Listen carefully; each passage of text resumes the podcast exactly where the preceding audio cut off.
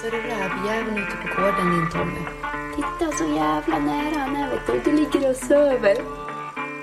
Vi vill även passa på att tacka våra sponsorer. JK Hunting, Hunter och ET Naturatelier. Men eh, vad tänkte jag säga, vilken, du håller ju också på med eh, rävjakt här, men vilken jakt utmanar mest? Det spørs vel litt hva kraven stiller sjøl, det. det kan jo være Nei, det kan jo være utfordring i alt. Eh, jeg vil si, det, det, det er nesten et svar som jeg ikke kan svare på, for hvilken jakt som utmaner mest. Eh, jeg mener å skyte en tiur, som vi sier, da. Eh, for en, for en fuglehund på en perfekt jobb, det er en ganske bra utmaning, det. Det er ikke noe du gjør det er ikke noe du gjør hver dag, eller lykkes med hver dag. Så jeg tror det er litt man, hvordan man ser det, men det er klart bjørnejakten stiller jo noen helt eh, spesielle krav til både hunden og dem som deltar på den jakta, så klart. Men eh, Nei, jeg, jeg, jeg, jeg Å lykkes som, eh, som, eh, som jeger, da, eh, på jakt, så så er det jo revejakt med, med støver og terrier, da, som jeg Som jeg liksom syns biter mest. Hur blir man en duktig rävjägare då? Ja Nei, det vet jeg ikke. Det vet jeg ikke. Menar, man måste jaga veldig mye, kanskje? Ja, vi har hatt et lite samtaletema den siste tiden, og det å komme seg tidlig opp om morgenen, det ser vi at det bidrar fælt på suksessraten da, på rev. Eh, Det er så klart litt etter å finne et bra revslag tidlig på morgenen. Eh, Nei, men en bra revjeger, det er jo Jeg tror det er som all annen eh, jakten skal bedrive. Jo uh, mer målretta man er, og fokus man har på det man driver med, og ikke gå på tilfeldigheter, så øker du de oddsen som du kan øke. da. Som så blir det selvfølgelig mye tilfeldigheter som en ikke kan uh, påvirke òg. Reven har jo noen meninger, den òg. Men du jager litt rev på sånne kobber, har jeg sett, eller hva er det å jage der, då? Nei, det er litt spesiell revejakt, det. For det, jeg regner med at det du tenker på, er ute på disse øyene. Ja, som er med lite vegetasjon og mye berg. Ja, precis. Ja. Mye steiner. Ja. Nei, det er jo absolutt ingen lett uh, jakt for hund. Det lukter jo veldig dårlig på berga. Eh, og det blir jo ikke, det blir ikke noe veldig fine drev, som regel. Eh, det blir jo hakket, og reven har på en måte alle muligheter. Eh, og disse, disse reva som uh, holder til ute på øyene, de har litt annen atferd enn det rever i skogen har. De er litt frekkere og gjør litt andre finter enn det reva i skogen gjør. For eksempel her i vinter så hadde vi sluppet en sånn her øy, og ja, hun fikk opp. Så, så, jeg, så jeg ringer, jeg hadde ikke en jaktradio, så jeg, jeg ringte til kompisen og sa at det, det er en rev her. Ja, det er en rev her, sier han. Ja, det er en rev her. Ja, så jeg, jeg forsto ikke helt hvorfor han bare gjentok meg. Uh, ja, han, han ligger borte på fjellet her, sier han. Har du, har du skutt en rev? Jeg, var, jeg kjente jeg egentlig var i ferd med å bli litt forbanna, for da hadde, hun hadde presis tatt ut. Ja. Nei, han ligger og trykker 70 meter unna meg. Han ligger bare flat på fjellet og trykker. Jaha. Ja, og da hadde jo hundene, hundene få en, eller hunden fått en tapp, da, før han kom dit. Og den reven lå der ganske lenge, bare flat på berget. Helt oppe flatt berg. Lå bare der og trykte, og så kom jo hunden etter hvert dit over. Og han jeg har nå, han er veldig hårskjelt, så han sier jo ingenting. Så etter hvert som hunden nærma seg, da, så løfter bare reven mer og mer på seg, og så stakk han. Eh, og gjorde noe annet jævelskap på en annen plass der, da. En annen ting de gjør mye som skaper problemer, det er at de svømmer jo mellom øyene. Eh, ja, de er ikke noe redde for å svømme 500 meter. Så da svømmer de bare til en ny øy. Så det byr jo på litt andre utfordringer enn reva i skogen som regel, da. Ja, men det blir lite heftigere filmer, eller litt mer uvanligere filmer i alle fall. Ja, man får jo se reven ganske mye, da. Eh, Vi holdt på med en rev her på slutten i vinter som jeg Jeg, jeg, regna jeg så den sju, jeg den sju ganger i post uten å få skyte den. Det er jo ikke så ofte i skogen. Nej. Da er det enten eh, noe galt med børsa di, eller så, eller så er du på jaktprov. Ja. Men eh, det blir mye snakk i vår Instagram-inkorg om olika tungstensammunition. här. Eh, Jag vet ju, jeg har ju sett någon bild på din Instagram att du använder Amox. Hur, hur fungerar det? Ja, jeg, begynte, jeg testa jo Amox eh, tre år siden. Um, og så er det jo Det er jo en del ting som er sånn her i livet at uh, man kan teste ting i At man kan, man kan gjøre en teoretisk slash praktisk test, da. Uh, men så er det også en del Man får en, en følelse av hvordan ting funker når du har holdt på litt. Uh, hvordan, hvordan faktisk ting fungerer i praksis. Og eneste måten man kan se hvordan en ting funker, det er å se hvordan dette funker når man skyter på en rev. Eh, Så får eh, telefonkataloger og andre ting tale for seg, men jeg syns Amoksen har funka veldig bra. og Jeg skyter jo med hovedgrunn, da, kan jeg si først, at jeg begynte å, å tenke i hele tatt Ideen om Amox det var ikke fordi det skulle være snakk om lange hold. For det, lange hold byr på en hel del andre problemer som jeg tror folk kanskje ikke tenker så mye på. Det er at du må, holde, du må sikte høyere, og du må sikte mye lengre framfor. Det blir, veldig, det blir ganske vanskelig skyting Altså skyte en rev i full fres over en vei på 60-70 meter, hvis det nå skulle være et tema. Ja, du må jo holde Du må jo nesten vite når reven kommer i kanten av veien, og så må du trykke i andre siden. Eh, Men det som gjorde at jeg ville ha det, det var at jeg har jo en hagle som jeg har, kappa ganske kort. Um, jeg husker ikke eksakt centimeterlengden på den, men den er, det er veldig kort pipe på den. Eh, grunnen til det var for at jeg, hjemme hos meg der jeg jakter mest, så blir det veldig mye at reven går inn. De fleste rever skyter vi på et uh, hi. Um, og jeg, ble, jeg ble, ble lei av å skyte bom på rever på veldig kort hold. Det ble for mange rever det ble bom på. Jeg ville gjøre noe med det og kappa en hagle, og det har eh, fungert veldig godt. Uh, ulempa med det, det er jo at uh, får jeg en rev på 30 meter, så er det dårlig effekt med den hagla. Så jeg leta i patron da, som kunne gi meg på en måte den pipelengden tilbake igjen. Litt grann sånn. Så jeg har vel normal effekt da, på rundt 35 meter. Uh, Ut ifra hva jeg kan se. Men du opplever også at det er litt mer gjennomslagskraft også? tror jeg. Det, det, er det. det er det. Det er veldig mye hagl som slår tvers gjennom en rev. Uh, på litt lengre hold òg. Jeg, jeg, jeg kjenner at det er litt sånn der, eh, vi beveger oss litt inn i en litt farlig sone på det der å drive og skyte rev på lange hold. For uh, det er som jeg sier, det er, det er ikke bare å det er bare å si, det er ikke sikte rett på lenger, som man gjør på 30 meter. Uh, så jeg tror man skal teste litt uh, og skyte på litt lengre hold før man i hvert fall begynner å gjøre det i praksis. Men eh, hur många eh, stövare har du haft här då? Du hade en som tyvärr förolyckas här. Eh, Jag kommer inte ihåg om det var för några år sedan. Ja, det blir eh, Det var et år siden i min, ja, så det blir to år nå til vinteren. da. Det var Ferro het han. Han ble kjørt i hjel nede i sødre Sverige. Eh, de har jo hatt en liten tendens til å havne under en bil, disse støverne mine. da. Eh, og det er kanskje litt med hvordan det ser ut da vi, vi jager òg. Det er jo mange av plassene eh, mer veier. Eller mye veier. Og det er en utfordring på støvjakt. Eh, Men antallet støvere Er det sjette, sjuende noen jeg har nå? Først var det någon eh, avvikelse der, sen har det varit finstøv? Nei. Nei, jeg har bare hatt to finstøvere, faktisk. Eh, men jeg hadde en som så ut som en finstøver før det. Den ble også kjørt i hjel. Eh, da hadde jeg noen Jeg hadde en periode hadde et par blandingsstøvere der.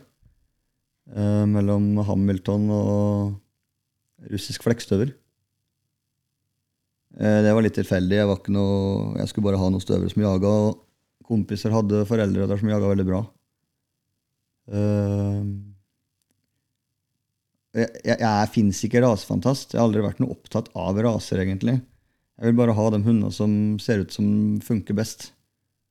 Eh, det er nok utfordringer med det det er. Jeg har fått en bra hund, så jeg, ja, jeg er litt lat der. da. Jeg bare ha de rasene som tegner best. Men når kom du inn på revjakten, da? Var det liksom i sam, samme veva der som du skaffa gråhunden? For den släppte jo også på rev.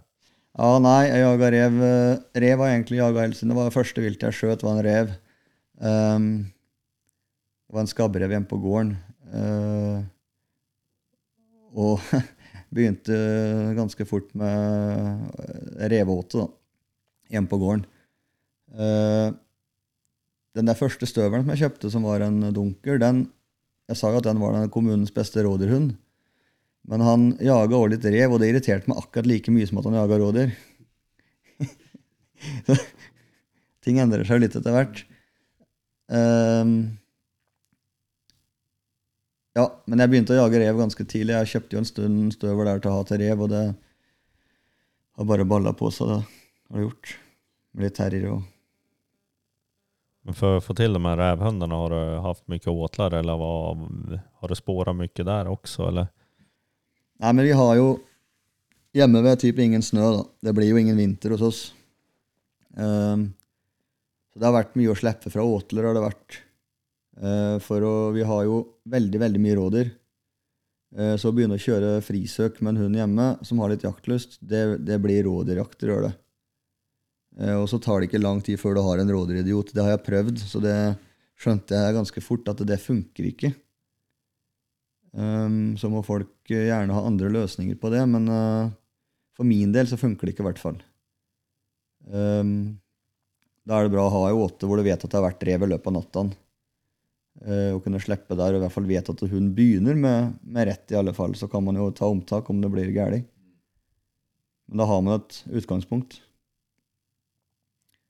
Um, så benytter jeg sjansen for at hun ikke bare skal være vann og bli sluppet i åte. Så, så benytter jeg sjansen jeg er på plasser der hvor det er mindre rådyr. da, Og kunne gå litt uh, frisøk med dem. Uh, sånn som her oppe, f.eks., hvor det er vesentlig mindre rådyr. Uh, problemet her er at det finnes jo hare. Og det er jo forbannelsen sjøl. Mm. men nå har jeg vært veldig skåna for harejakter med de hundene jeg har hatt, faktisk. Jeg tror den forrige støveren drev hare to ganger, og så ja, var han aldri interessert i det igjen. Og Den jeg har nå, han har drevet hare én gang. Det var en tyskerhare nå i vinter som var. Men han er jo veldig ung, så det er jo god tid for å endre seg på det. Og i år er det mye hare, har jeg sett. Mm. Ja, det har aldri vært så mye hare. Usch. Tror jag. I alla fall under den tiden jag kört på de här skogsvägarna. här. En Hamilton og ja, skulle ha gjort det och utrota så att... Nej, fy fan. Din mest minnesvärda jaktdag, har vi redan varit och nuddat vid den eller? Har du någon annan speciell där som ligger litt lite varmare om hjärtat? Det er vanskelig å plukke ut én, faktisk. Um, I og med at jeg jakter så mye forskjellig, og egentlig alltid har gjort det, jakta veldig mye forskjellig. Jeg har hatt mye fuglehunder òg. men, men det er kanskje én ting som peker seg ut mer generelt enn én opplevelse. Og det er jo selvfølgelig de her første vellykka tilfellene for unghunder. Jeg husker veldig godt første, uh, første tiuren som jeg skjøt for den ene finnspetsen jeg hadde. Uh, selvfølgelig den her første bjørnen for Grom, den hang jo veldig, veldig høyt. Eh, men det har kommet mange rever for unghunder etterpå som har vært eh, ja, som har vært veldig, veldig spesielle opplevelser. Da. Det er nok eh, det er vanskelig å dra fram én, én spesiell. Og det er vel kanskje det er vel kanskje et godt tegn, det.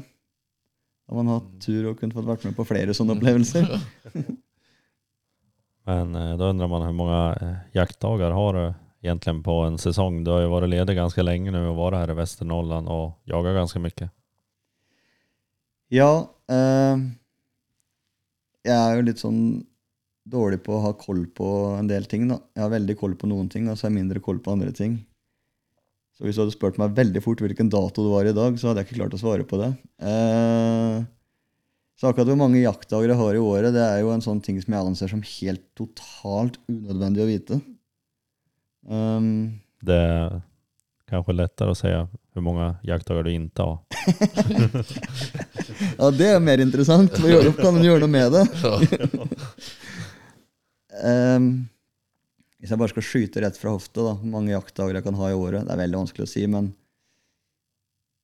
under sesong, da, og vi har ganske lang sesong, eh, særlig i Norge, for vi får jo holde på til 1. april med løs hund, eh, på rev og litt annet vilt, så blir det jo så klart eh, en hel del eh, både helger og ukedager innom den sesongen. Jeg, jeg, ja, jeg, jeg, orker ikke ens å, å gisse, men eh, jeg prøver å jage iallfall Så i praksis så blir det tre-fire dager i uka i hvert fall. Eh, og så er det jo en hel del utenom den her ordinære sesongen nå. Det er litt, eh, har litt skyddsjakt på mink. og ja, Det ruller jo på med litt flere dager òg. Men det har aldri vært så viktig for meg egentlig akkurat hvor mange jaktdager jeg har. Men det kanskje skulle være kul å vite en gang. Men uh, jeg tenker, hvilken jaktform er det du utfører mest da? Er det revjakten kanskje? Ja, i tid så blir det revejakt med hund, gjør det. Som gir flest, som blir flest jaktdager. Og så kan man jo si altså, hva er en jaktdag? Uh, hvis du drar ut med støvelen en morgen, så blir det bare piss alt i hop. Eh, så er man hjemme til elleve. Er det en jaktdag, eller er det en, uh, bare en dårlig dag? Bedre enn en arbeiderdag i alle fall. Ja. ja, det er sant. Har du noen jakt som du skulle ville prøve på, som du kanskje ikke har prøvd på en? Det blir jo mer en drøm enn kanskje reelt, men eh, det var veldig reelt en stund før koronaen kom. Så var jeg i ferd med å dra bort uh, til Canada og jakte uh, ikke nødvendigvis bare puma, men kattedyr der borte. Jeg har en bekjent i Canada som har uh, ganske bra område for, for kattejakt. så det er vel en ting som ligger sånn og murrer oppi hjernen fortsatt, da, at jeg kanskje skulle ha gjort det. Uh, før en blir for gammel. Mm. og hjemmekjær. Nei, men, eh, men uh, kattejakt og selvfølgelig en, være med på en vellykka pumajakt i Canada, den det er nok viktigere å heller dra før det blir, mens det fortsatt er lov der borte. Mm. for det ser vel ut som det går feil vei med den jakta der borte òg. Er det med egne hunder da du tenker? Eller? Ja, jeg hadde nok kommet og tatt med en støver, i hvert fall. Uh, og da hadde vel sikkert blitt å sluppet i hop med noen hunder der borte. Uh, og så kunne jeg eventuelt ha holdt på med noe, med noe mindre katter, da. Med, med bare én hund. Men eh, i framtiden kommer du å slippe finstaven også på bjørn, eller? Ja, det er det mange som spør om. sånn som det er nå, da, så har jeg tre groener som skal få tilfeller. og og den støvelen min, han er eh, ett og et halvt år nå. Um, jeg pleier å vente ganske lenge før jeg lar dem få sjansen på, på bjørn. Uh, I hvert fall uh, skarpe tilfeller. Um, samtidig så er det sånn at du får jo aldri for mange hunder som funker bra på bjørn. Det er vel, altså, skulle den vise seg å ha en veldig interesse for bjørn, så er det klart den skal få jage bjørn. Men det kommer ikke å være, det ikke å være et prioritert tema for meg å få han til å jage bjørn. Jeg hadde jo den her forrige som jeg hadde, som ble kjørt her nå sist. Han uh, hadde jeg med til Canada. Da hadde jeg vært i Canada hatt med litt andre hunder òg tidligere. Uh, og det er den mest gærne hunden jeg har sett til å jage svartbjørn. Altså Han var helt vill etter disse svartbjørna.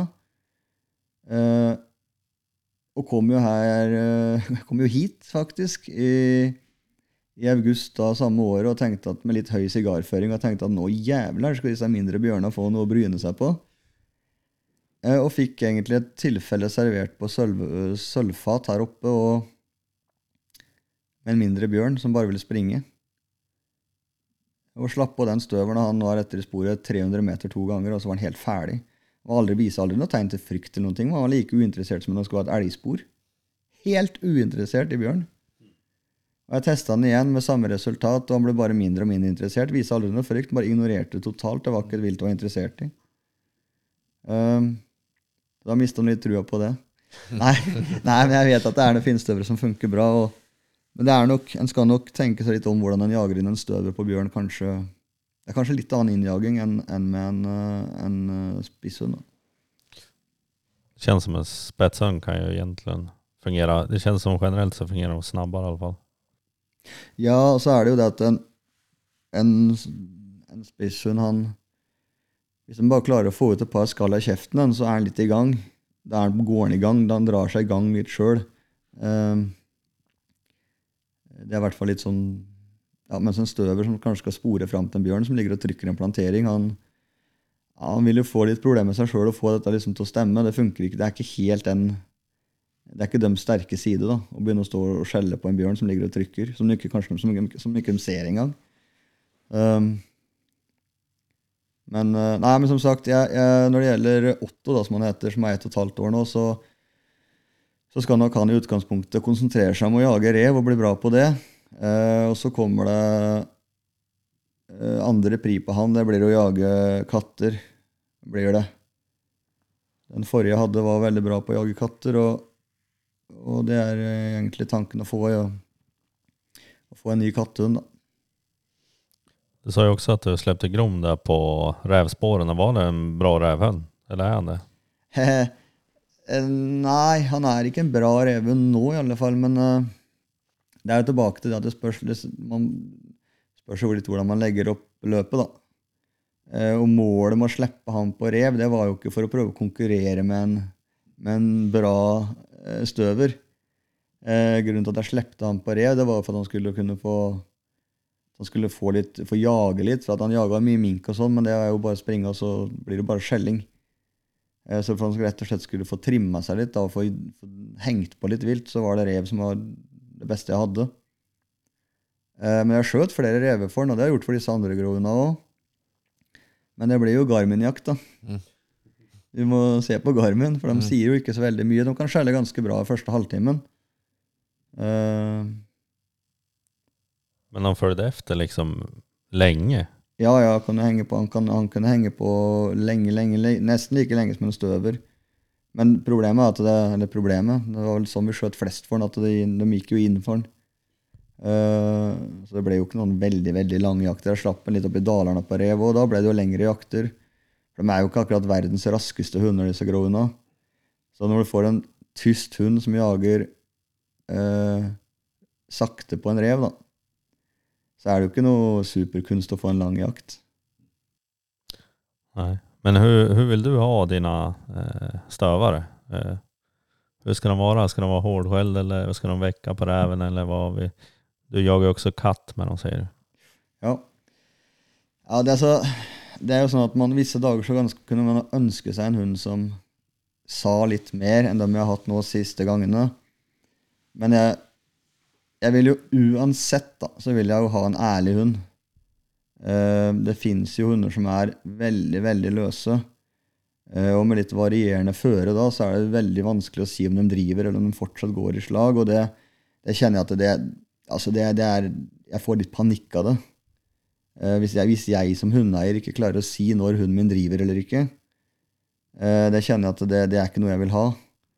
Eh, og da velger jeg heller en hund som holder kjeft til han har reven på bena. Med de ulempene som det medfører da, på revejakt. Kanskje. Men da har du valgt linjer som er hårdskjelda? Ja, det har jeg gjort. Og det har vel fungert etter planen. Det kan jo slå Man vet jo aldri. Avl er jo Det er jo ikke noe fasitsvar der heller. Um, men jeg syns det er veldig behagelig å kunne se at en støver holder på og går i slag. Og tar, liksom går lungt og fint i slag. Og når han skjeller, det er i jakt. Da vet jeg at nå er reven på bena. De kan gjøre et og annet skjellende eller som vekke, som dere sier, bitte lite grann, særlig på myrpartier på barefrost og sånn. Så kan det komme noen skall hvis det går litt fort og lett å spore langs en myr. Ellers er de stort sett helt tyste, de jeg har hatt nå. da. Og det er smak og behag, tror jeg. Den beste revhunden du har hatt, da? Ja De har ikke blitt så gamle. De har blitt bra, da. Så uh, det, er veldig, det er vanskelig å svare på. Jeg tror nok kanskje at uh, Nå er jo Otto ett et og et halvt år, så han er på en måte ikke med i den der konkurransen. Uh, den forrige som heter Ferro, han ble jo fire år. Eh, det var jo en veldig bra En, en hund rev Eller en, en rev, sier jeg. Det var jo en hund vi skjøt veldig mye rev for. Eh, ekstremt mye rev, egentlig, på de fire årene han levde. Eh, men jeg hadde jeg hadde tispe en blandingshund som heter Norma. Eh, som nok kanskje på de to og et halvt åra hun levde før hun ble kjørt i hjel, var den beste revhunden jeg hadde til nå. Eh, men så vet jeg ikke hvordan det hadde blitt. Jeg mener, Ting endrer seg. Men eh, hun väckte hon på slagen? Lite grann gjorde hun. Jag menar, har du någonting du vill berätta för våra lyssnare? Eller som du vill föra fram som inte jag har lockat fram i deg? Jeg kunne sikkert berette mye, men det spørs om folk vil høre det. Men, eh, men Nei, men du dro det inn på det med revejakt. og du begynte å spørre om det her med, med håle- eller lettskjelte hunder. og det, det er jo så klart sånn at uh, Jeg tror at det med skjellinga påvirker uh, reven til en viss grad. Uh, så en, en hund som kanskje, Hvis man skal ha en revehund, så vil man da kanskje ha en hund som sier litt i slag. Samtidig så vet du også at nå har han iallfall et slag som, som kjennes vettig å holde på med. Det er vel ikke helt feil. Men det er det, der, det, er, det er det der å oppnå den perfekte kombinasjonen. da. Den optimale hund er vel fortsatt ikke født. Eh, og takk Gud for det, kanskje, for ellers har man ikke hatt noe å strekke seg etter. Nei, man vil jo gjerne ha den framfor seg på noe vis. Ja, det er bedre det enn at han ligger kjørt i hjel nede i bakken. Grythunder da Ja. Skal du og jeg ta den debatten, eller? Nja, noen debatt blir det vel kanskje ikke, men... Berätta vad du tycker. Så. Ja, altså, det er som vad, vad har du, vad har du haft, vad gillar du? Ja. Nei, altså Nok en gang så er jo ikke det er jo, det Der ser jeg at det blir omtrent krigstilstander iblant. Og det her med, med, med raser. Mer på terrier nesten enn noe annet. Og jeg kan vel kanskje si meg enig i en del av påstandene, men det er så vanvittig individuelle forskjeller. Mm. Eh, så at jeg, for å si det på norsk, jeg driter egentlig i hva farge det er, eller hva type hund det er. Men jeg kan være helt ærlig og si at et tysk terrier er ikke min favoritthund eh, som ren grytehund. Uh, jeg syns at uh, dem som har funka best, uh, og dem jeg har vært med på, er svarte Eller er, er ikke svarte og hvite, men brune og hvite stort sett. Eh, eller også svarte og hvite. Men jeg syns det viktigste, i alle fall, uansett hva rase det er med, med, en, eh, med en terrier, det er at han bryter bra. Eh, det, er, det jeg faktisk kommer å bli i framtiden for meg å prio ett eh, på en terrier. For det er, det lite som er så trøttsomt som å stå og vente på en terrier som står og skjeller. Altså det, ja, jeg orker det ikke, eller jeg gidder det ikke lenger. Da drar jeg heller hjem. For det, det gir ingen mening å ligge og skjelle på en rev som ligger stille. Det er liksom, og man, etter hvert som man har opplevd hunder som funker bra, så kjenner man bare at eh, det her er livet for kort til. Fins det noe du kan gjøre for å få, få den å bryte? Liksom? Du, du har jo en hund som tar fram og tilbake, så jeg kan forstå. Ja, jeg tror jo at uh, Jeg ser mer og mer likhet i det å ha en bra terrier uh, som en bra stående fuglehund. Uh, og stikkordet der tror jeg for å lykkes er dressur. Eh, det er jo hunder som, som ofte har veldig eh, sterke egeninteresser i det de holder på med. Eh, jeg, tror at en, så, en udressert terrier da, det, det blir veldig ofte en hund som ligger på veldig hardt. Og jo mer du, men, mens, mer du dresserer en sånn, så blir den veldig førerknytta, som det iallfall heter på fuglehund- i fuglehundspråket. Eh, og de blir ofte litt De er litt mer opptatt av å søke kontakt og, og gjøre ting sammen med deg, enn å bare holde på sjøl. Det er i hvert fall den erfaringen og tendensen jeg ser i det. Um, men så er det disse individuelle forskjellene. Uh, og jeg har vært med på en tysk terrier. Jeg hadde en eh, kompis med en tysk terrier som var noe sinnssykt. Den var, altså, den var ekstremt bra til å sprenge rever. Uh, til og fram til han var tre år. Og så ble han for hard. Og det ble for mye Han sprengte fortsatt revet, men han, ble, han var så hard at han, han ble skada hele tiden.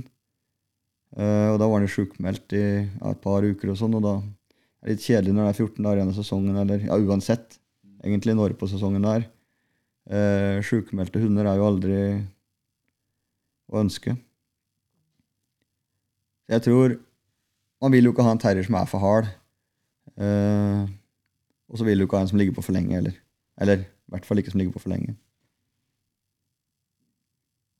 Men eh, din, du kallar in den eller bryter den själv också?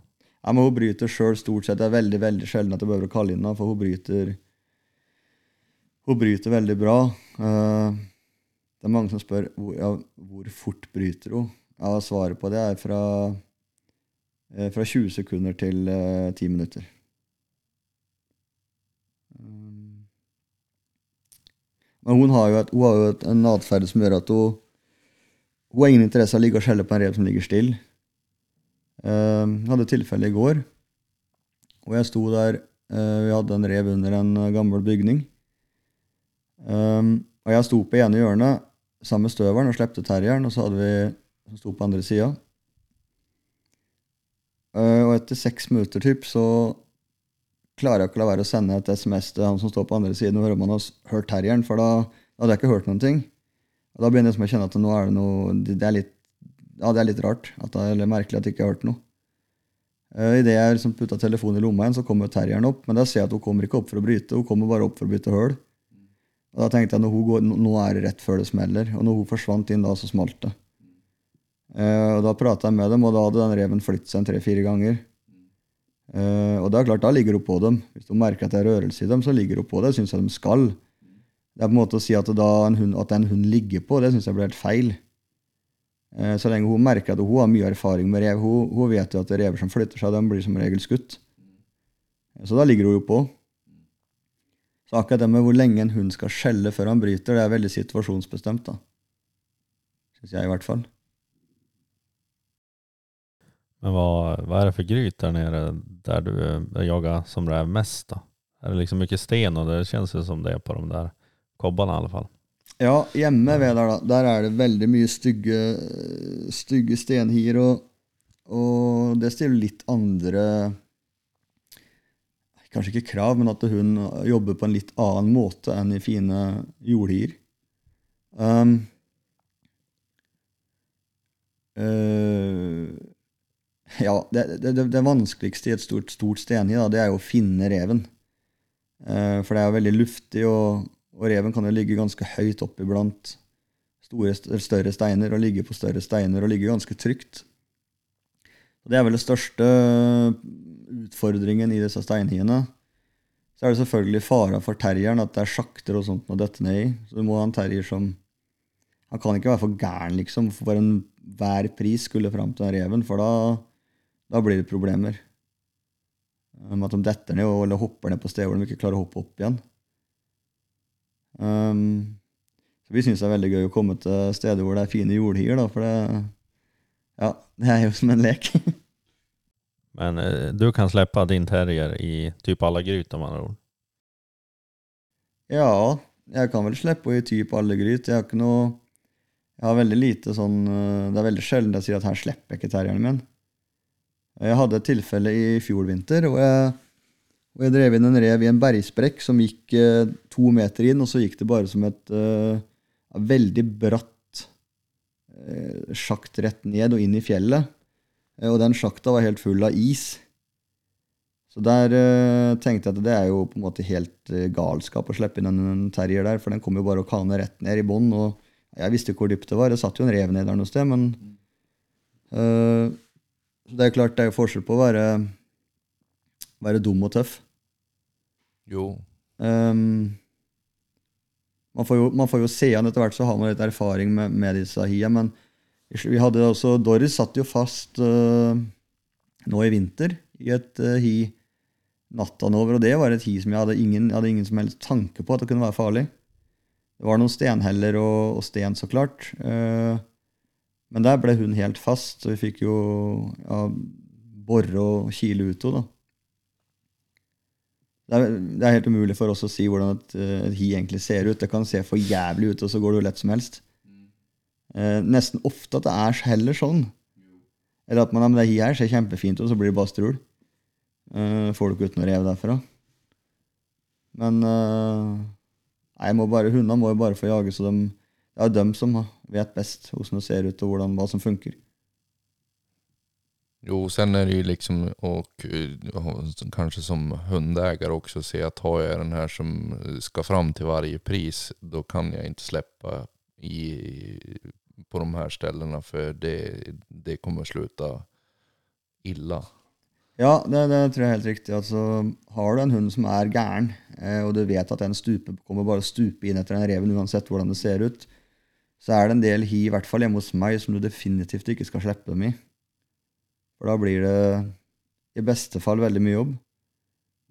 Um, med storsten som veier ja, men store som hus. Det er liksom Det er ikke hva som helst som flytter på dem, da. Så Nei, men det, er å tenke seg litt om, og så, så tror jeg kanskje skal forsøke å unnvike de her eh, linjene som er hvor, det, hvor det foreldre har vist seg å være veldig harde. For det er ikke sånn at for å få ut en rev Du behøver ikke å bli spist opp i trynet hver eh, 14. dag for å få ut en rev. Det, det er nok heller tvert om.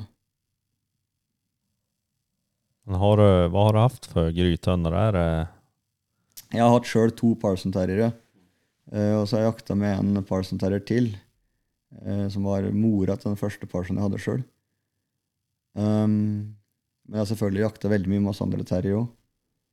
Uh, mest Fox-terriere. Men også noen tysk-terriere. Det, er jo, det fins jo gode hunder alle der òg.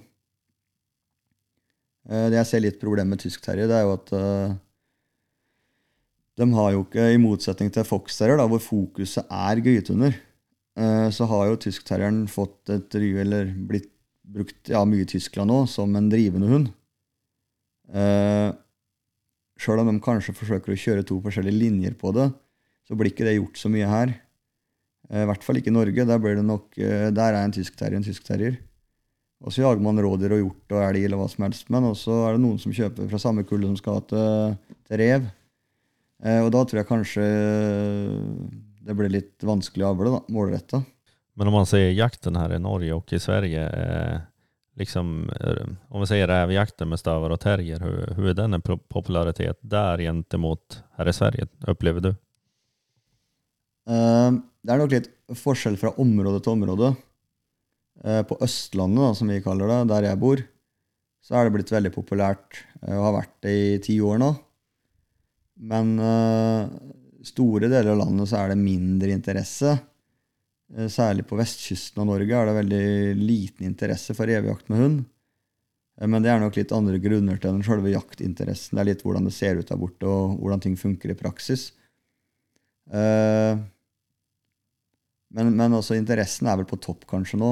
Og eh, i forhold til Sverige så syns jeg det er ganske likt, egentlig.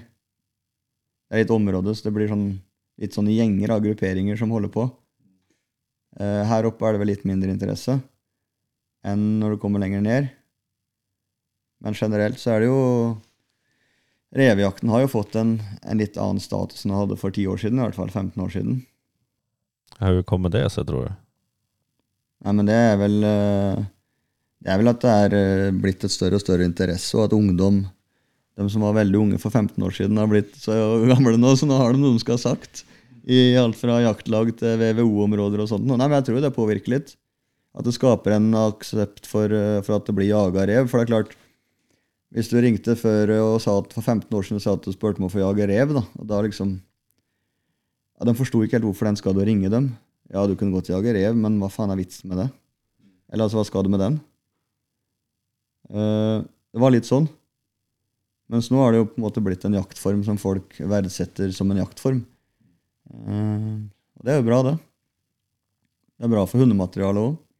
Vi var jo faktisk i Norge og jaga litt rev her på, Når man- ikke fikk slippe hunden her. Trøndelag var en annen by man så. Det var veldig eh, kuperat. Ja, det, er jo, det begynner å nærme seg litt kysten, eh, så det blir jo litt mer berget og, og kupert enn det er her, i hvert fall her oppe hos dere. Eh, Mindre vegetasjon. Eh, Så det er klart eh, Det er jo litt annerledes for hundene òg. Det var jo alldeles. Det var veldig dårlig vitringsforhold. Det var jo liksom stenhård skare så elgene gikk jo på. Eh, Jeg vet ikke. Det var jo liksom, ja det var lite annorlunda for våre unghundar som vi slepte mest her.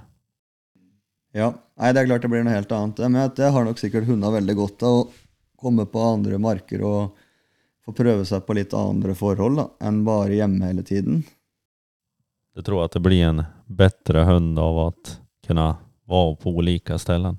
Ja, det tror jeg helt klart. Eh, Og det, det, når jeg jager inn mine støvere, så gjør jeg det helt bevisst. Det er jo ikke eh, Jeg kan jo jage rev jeg kan jo jage rev hver eneste dag jeg er hjemme.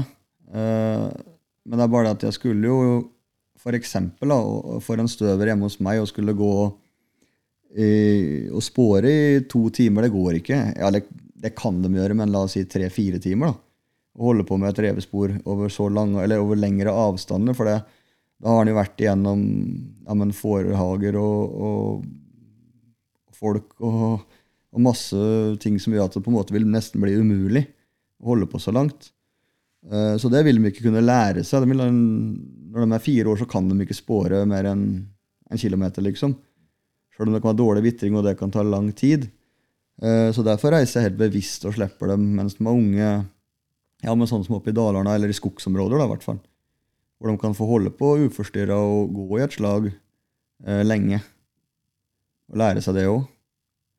Det, de- det tror jeg jo absolutt er positivt for en hund å, å kunne eh, takle forskjellige forhold.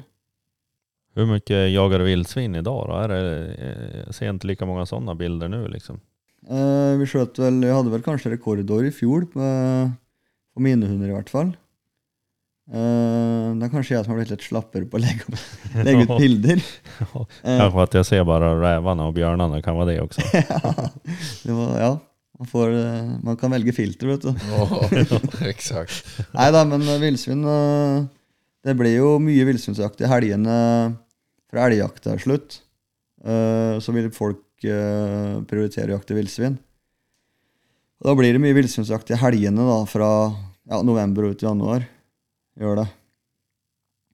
Det er jo stort sett helgejakt, for det er da Det er jo lagsjakt. Men tror du det her at en bra villsvinshund Er de ofte bra på bjørn också? Nei, ikke sånn rett av. Det tror jeg ikke. Eh, det er mye som er likt, men, eh, men eh, har nok sett ganske mange bra villsvinshunder som ikke er noe sugne på å jage bjørn. Eh, jeg kan svare sånn her at de kanskje de kanskje kunne ha blitt det, men kanskje ikke har blitt presentert for bjørn i ung alder. Og så når de da er blitt jeg har konstatert en bra hund ved fire-fem års alder, og så tester man på bjørn, og da er den på en måte en hund litt innjaga og er ikke så interessert i den bjørnen. Um, men det er mange likheter med å jage villsvin og bjørn, absolutt. Um, men ikke nødvendigvis. Noen ting jeg har tenkt på altså, som denne sesongen kjennes det som at det har vært mye skader på, om man sier at det ble mye bjørnattacker. Eh, har du vært med om noen elake bjørner? Jeg eh, har notert meg det samme. Um, jeg har hatt veldig lite uh, sure bjørner. Uh, jeg jakter jo på en måte som kanskje ikke legger så hardt press på bjørner. Ofte med én. Jeg slipper nesten bare én og en hund. Og det blir ganske lugne, fine jakter. Jeg hadde et tilfelle her for to år siden hvor Grom ble bete eh, over ryggen eh, av en frisk bjørn. Eh, Det var mitt første tilfelle med, med en skade på hund. Um, Jeg fikk Dolly skada for noen år siden nede i Gävleborg. Det var under et ettersøk. Så det kan jeg på en måte Ja, det, litt, eh, det har jeg litt mer aksept for. Eh, Så ble Grom bite faktisk under skyddsjakt på en bjørn i sommer i Norge. Eh, Da ble den også bitt over ryggen. Eh, Bjørnen ble påskutt, eh, så det var på en måte en, en skadd bjørn. Men den bjørnen var veldig sur eh, fra start. Han jaga hund over 100 meter i uttaket inni en plantering med livet som innsats. Det, det, var litt, det var en litt ny opplevelse for meg. da. Jeg er vant med at de er ganske lugne og fine. Hva som beror, eller hva som gjør at det har blitt mer skader i år, det har jeg ikke noe, jeg har ikke tenkt så mye på det. Men jeg har notert meg at det har vært en del skader i år. Jeg så at det senest i dag døde en hund under trening. Ja, just det. Men det har jo blitt mye skador på folk i år også. Ja. Ja, det har det jo faktisk blitt. Um, Det er kanskje at de kommer, jeg vet ikke vart de kommer fra, Dalarna eller jeg vet ikke vart de her man skulle kunne gjort en sånn undersøkning. Ja. Vart, her människorna Ja, ifrån? nej men alltså, i- för det kan jo være at folk har tappat respekten for hva de håller på med også. Det, jeg, jeg vet ikke. Altså, men det är ju som mycket i år. ja, jeg tror, jag tror jo først og fremst så tror jeg at det er jo Det er jo veldig mange mennesker ute i skogen og jakter bjørn nå. Det har vært rekordstor tildeling.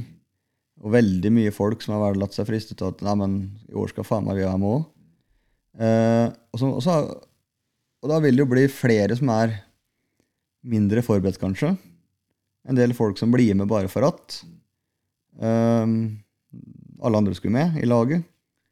Og så kanskje de ikke har tatt de forhåndsreglene som, som uh, man kanskje bør. Men og så er det også sånn at det veldig mange ganger så er det tilfeldigheter. Det kanskje går ti år nå uten noen eneste bjørnattakk på mennesker i det hele tatt under jakt. Det har vært veldig lite fram til nå. Mange år siden sist at det har vært noe alvorlig, i hvert fall. Um, så hvorfor, det er vanskelig å si. Men uh, jeg er glad jeg har sluppet noe sånt sjøl, i hvert fall. Jeg vet vi intervjuade ju Bula här för några avsnitt sedan och han sa ju då att eh, alltså man gjorde det själv, alltså man var lugn själv och hunden kanske inte låg på så mycket så då var också björnen lugn tillbaks. Men eh, några dagar in i jakten fick han ju en björn på sig som bet hål i byxorna på honom. så att jag vet inte, den tesen höll inte riktigt. Han kanskje endrer oppfatningen, da. Nei, men det er vanskelig å vite akkurat hva som har hendt. Det er vanskelig å vite hva den bjørnen har vært med om noen dager tidligere, kanskje òg. Så det er nok også veldig situasjonsbestemt hva som, hva som skjer eh, når en bjørn får en hund på seg. Eh, Men det er nok Jeg er ganske sikker på at, det, at jeg slår meg med i teorien til Bula der. Eh, Hvis hunden er lungen og folk eh, er lungene og tenker seg om to ganger før de tramper aldeles for nærme den bjørnen, så går dette stort sett veldig, veldig fint. Men eh, man ser ju de här, många plottar blir ju för övermodig i äldre, när de blir äldre. Liksom. Men hur har Grom också blivit det? Det låter ju som att han har blivit liksom mer på. Ja, eh, det gjelder vel litt alle typer jakthunder, kanskje. At de, de får etter hvert en, en mye mer rutine og, og senker garden litt. Ja, det var litt artig. Så sånn som Grom, da. Han eh, Det er jo en tøff oppgave for en hund å jage bjørn, og for min del så får jo hundene ikke så veldig mye tilfeller. Eh, Det er bare under jakta, og så er det et år til neste gang. Eh, og jeg så det at eh, det tok jo hardt på dem etter jakter, og de fikk jo hvile opp seg noen dager, eller i hvert fall få hvile opp seg ordentlig etter, en, etter at de har hatt en jakt. Og man ser også på dem når de står og skjeller, at det er liksom, det er de er spent og holder garden høyt. Det var ganske artig når jeg så, jeg så for første gang når jeg så på Grom at det var bare, bare, at det var bare kul, liksom. Og da var han fem år. Eh, oktober, når han var fem år, da da så jeg på han at det, da, liksom, da, var det, da var det bare kul å jage bjørn. Han hadde full koll på det her og, og liksom visste hva den bjørnen kom til å gjøre hele tiden. Eh, og etter det så har han selvfølgelig Ja, han er varm i trøya og gjør kanskje jeg tror, det er dumt, jeg tror det er feil å si at han gjør dumme ting, men eh, ja, men senker du garden litt og er vant med å holde på med det, plutselig kommer det en bjørn som som gjør litt andre ting da, enn tidligere bjørner har gjort. Det er klart du kan gå på en smell. Og så er det også sånn at jo flere ganger du gjør en ting, så men jo flere ganger du slår terningen, jo større sjanse er det for å få terningkast seks. Eh, Og sånn er det for hunder. Jo flere ganger de skjeller bjørn, og flere bjørner de er i kontakt med, eh, så øker det jo sjansen for at noe skjer. Før eller siden så treffer de feil bjørn, og så får de seg en smekk. Ja, Eller var det feil svar? Nei. Nei, men jeg tenkte om man har en Blaser 93 da slår man seks hele tiden. Men så? Jo, jo, jo den eh, Det er sikkert kort, det. Ja. Jeg sjøl bomma noen ganger, faktisk. Men da var, Var på banan da. Ja, det var på banen. Da då han en til bjørn, Eller? Nei, nei. Engebjørn. Nei. nei. nei, det skal man forsøke å unnvike. Det er så dårlig for selvfortroende. Ja. Men du, du jagar ju också lite andra, alltså du, det känns som at du er en allätare når det gjelder jakt här. Alltså det, Ja, men jeg tykker det er, eh, det er mange jaktformer som jeg, som jeg syns er uh, artige. Og som jeg sa, uh, fågeljakt syns jeg er en veldig fin jaktform. Da. Det er på en måte etter en bjørnjaktsperiode som nå, med veldig mye forholde seg veldig mye til mennesker, da. Eller andre folk. Det er ikke noe galt med det utgangspunktet, men det blir litt, det er litt mer stress i denne bjørnejakten. Du skal hit og du skal dit, og du ringer herfra, og så skal du Ja. Sånn går dagene veldig mye fram og tilbake. da, Mye, mye styr. Da er det veldig fint å kunne ja, men bare slippe alt, og så gå ut og gå med én hund, og gå alene med én hund, da. Eh, og veldig ja, krevende hagleskytte. Eh, ja, spennende situasjoner med fuglene. Nei, det er en kompis sin. Jeg har med litt så hun skal få litt mer eh, jakt. Det kommer jo noen ettermiddager som man ikke jager rev òg. Jag har ju sånt otroligt busy life, eh, så jag har ju börjat släppa mycket på natten. Har du gjort det på räv också? Ja, men det har jeg gjort konsekvent, på unge, særlig på unghunder. Eh, og jage, la dem få jage, og så syns jeg rever ofte går litt bedre på natten òg. I hvert fall hjemme, da. Man kan gå kan man jo risikere at de faktisk holder seg på bakken en time. men eh, nei, jeg, jeg, vet at det har vært debattert, det der med å slippe hunder i mørket, og sånn, særlig, ja, særlig revhunder. Jeg klarer ikke å se noe negativt med det. Nei, det er som du sier, jeg har også merket at eh, de buktar jo, eller vil ikke gå ned like lett, i alle fall. Nei. Nei, jeg tror det er, det er for en tendens. Ehm, det er klart det krever med en unghund at du er med i matchen. da, kanskje Når du har en unghund som er på det nivået at han har begynner å jage litt, men han, ja, så har han ikke helt uh, motet til å holde på, det er mørkt.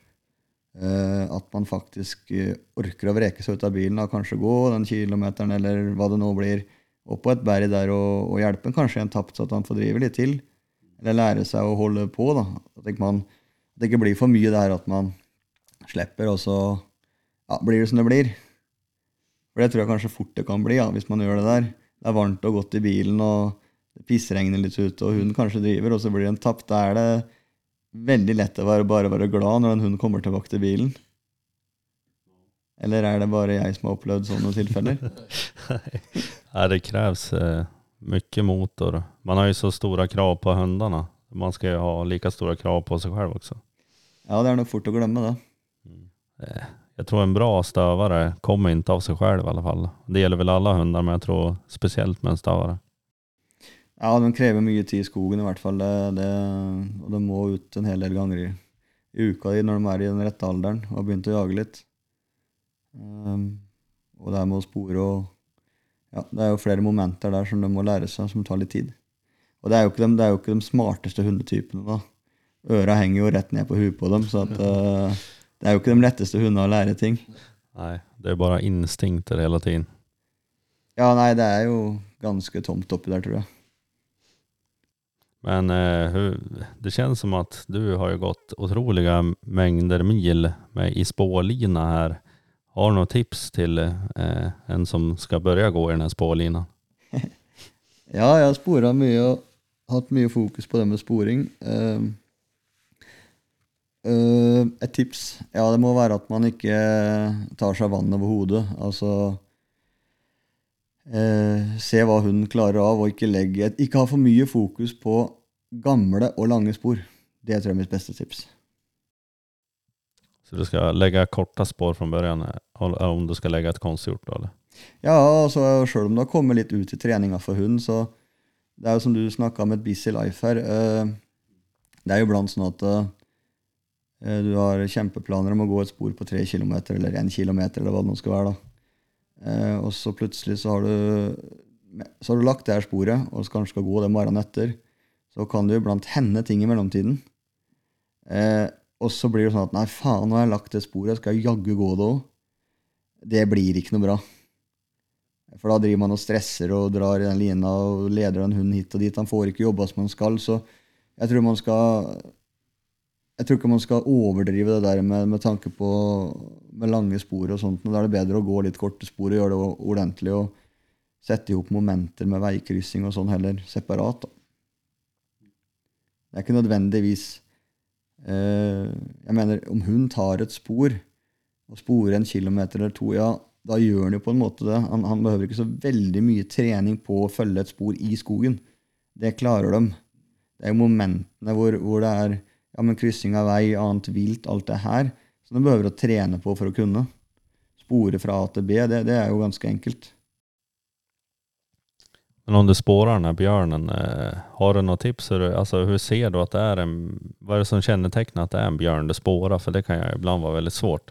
Ja, det er faktisk litt akkurat det å spore bjørn.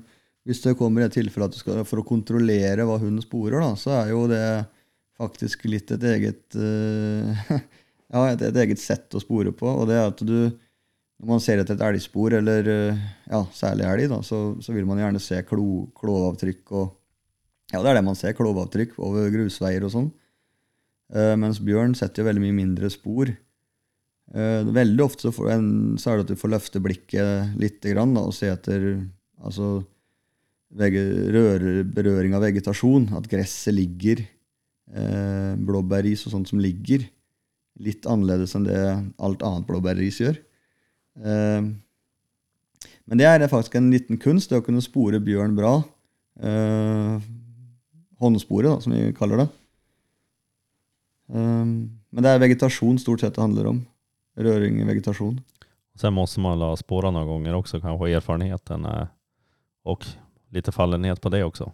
Ja, mener, jeg merker hver, hver sesong at man er litt rostig. For at det litt sånn man, man kjører seg inn på det Jeg kan jo spore ganske godt etter hund. Eh, I veldig mange tilfeller på en bjørn så kan jeg spore veldig veldig langt den bjørnen uten å se på peilen. Eh, litt beroende av, av eh, vegetasjon, så klart. Men her nede i Vest-Nordland er det ganske lett å spore en bjørn, for det er jo gress og mye vegetasjon. Kommer du ned Gävleborg på kort, kort bæreis, så er det mye verre. Men det er, det er berøring av vegetasjon, og særlig på kryssing på veier, hvor det ofte er gress og sånn, da, som du har mulighet til å se relativt lett om det er en bjørn eller annet vilt. Men når ser sier at du skal slippe gråøynene, eller noen av dem? er det liksom når de blir helt galen i koppelet, eller? Eh, Nei, men jeg er blitt ganske dristig etter hvert, egentlig. Eh, Og det, kan, det, det tror jeg nok er litt av sportreninga som har gjort at jeg kan tillate meg å være litt dristig. Og det er at jeg har, eh, i motsetning til læremesterne mine, holdt jeg på å si Nei, men jeg er veldig mange som vil nesten banne opp en bjørn, eh, så de er sikre. Eh, Men jeg har lagt mye forarbeid på at de ikke skal bytte spor, og i hvert fall gi faen i elg. Eh, Så jeg er blitt ganske dristig på å slippe så fort jeg har konstatert at det er bjørn. Vet jeg at de har et bjørnespor, så slipper jeg nesten alltid. Og det er, nå høres det ut som skryt, men realiteten er at det er veldig veldig sjeldent at det blir eh, noe annet. Veldig sjeldent. Det, har, det Jeg sier ikke at det ikke har hendt, det er veldig sjeldent. ja, Petrus, har, har du noe mer å tillegge? Annars har vi noen pistolsnabba frågor her vi tenkte ta. Ja, jeg er klar, jeg. Ja, Og se om vi skjuter fra hoften her, da. Eh, Finnstøvere eller gråhund? Finstøver. Revjakt eller bjørnjakt? Revjakt. 9 och 3 eller 6,5? R93. Jakt på spårförare eller på barmark? Barmark. Eh, rakrepeter eller cylinder? Rak. Jakt i söder eller i norr? Söder. Jakt i Sverige eller i Norge? Jeg går ikke å svare. Men eh, hva tar du benkpress? Den frågan her var jeg forberedt på. Jeg, jeg har ingen svar. Nei, jeg, jeg Sist jeg tok benkpress, det var i militæret, og det er eh, Dessverre så begynner det å bli et tak siden. Eh, kanskje min egen kroppsvekt. 67. Ja. ja. Nej men eh, vi får tacka att du vill vara med i Rovdjursjägarna podcast. Tack så mycket. Ja, men takk sjøl. Nej, det har blivit lite senare nu och vi kom på en till fråga här. Eh, någonting som det ja, vi har fått flera frågor om det här och få hundar rådjursren här och du, det kommer fram att du är ju utbildad eh, rådjursrenstövare, tränare eller hur man ska säga. Ja, aversjonsdressurinstruktør, som det heter på fagspråket.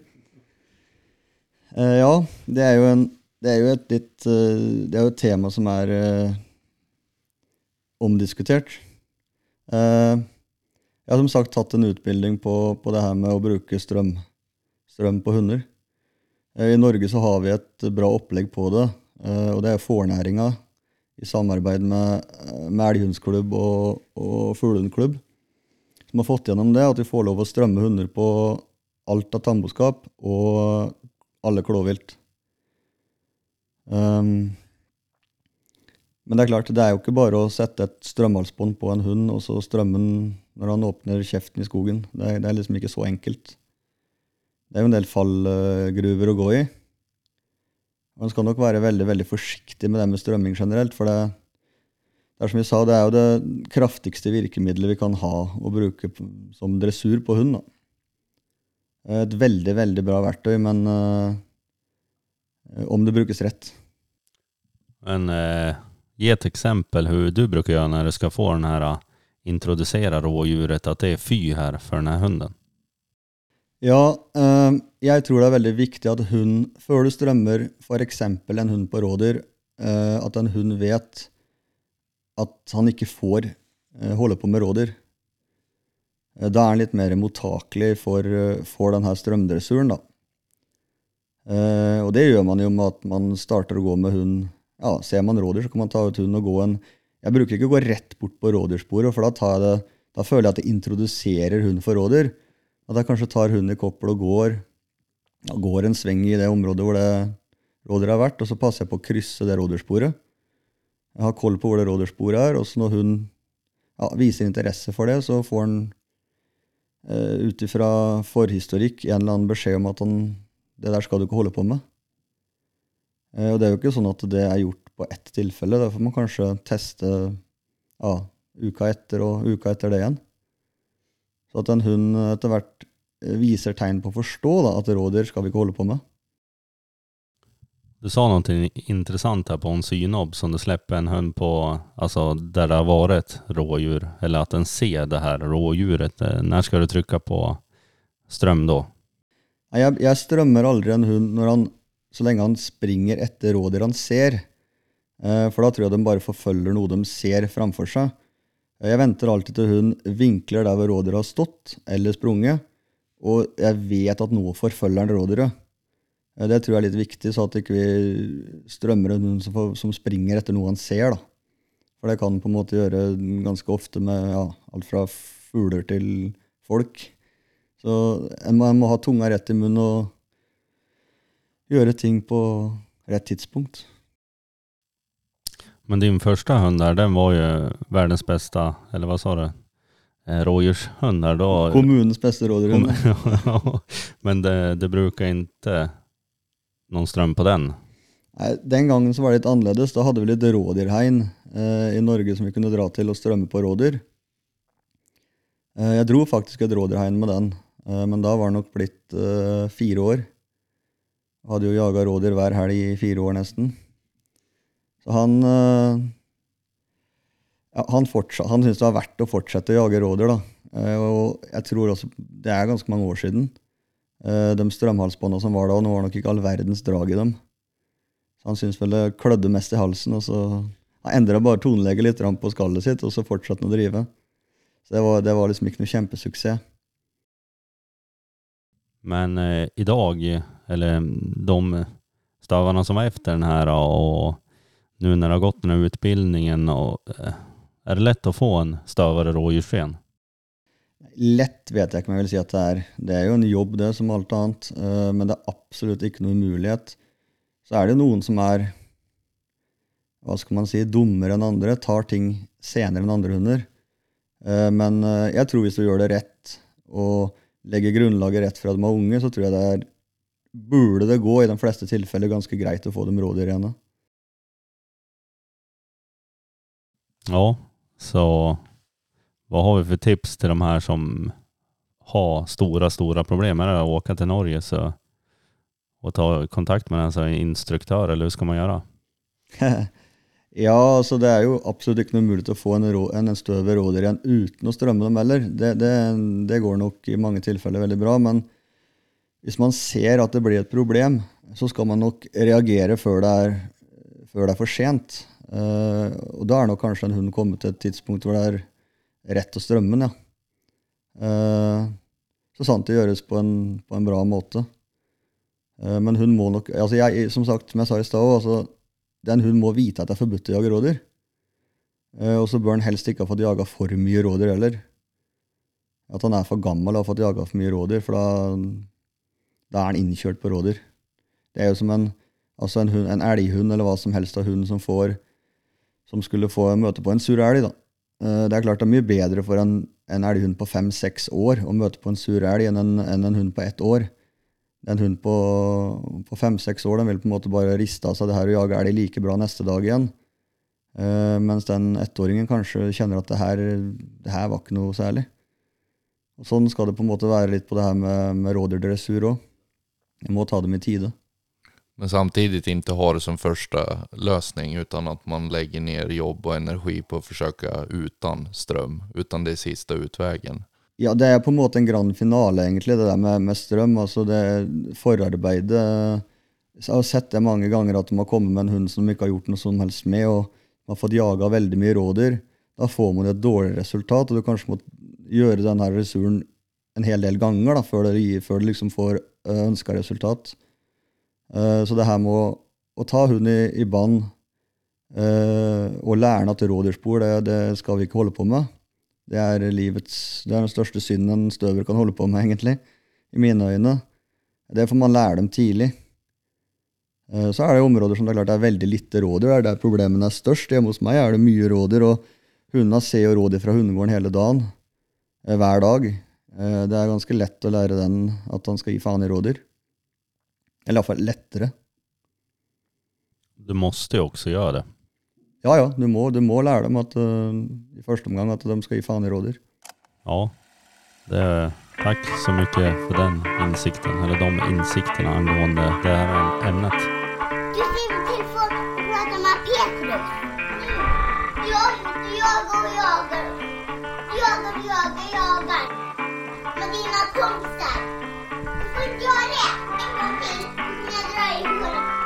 Du får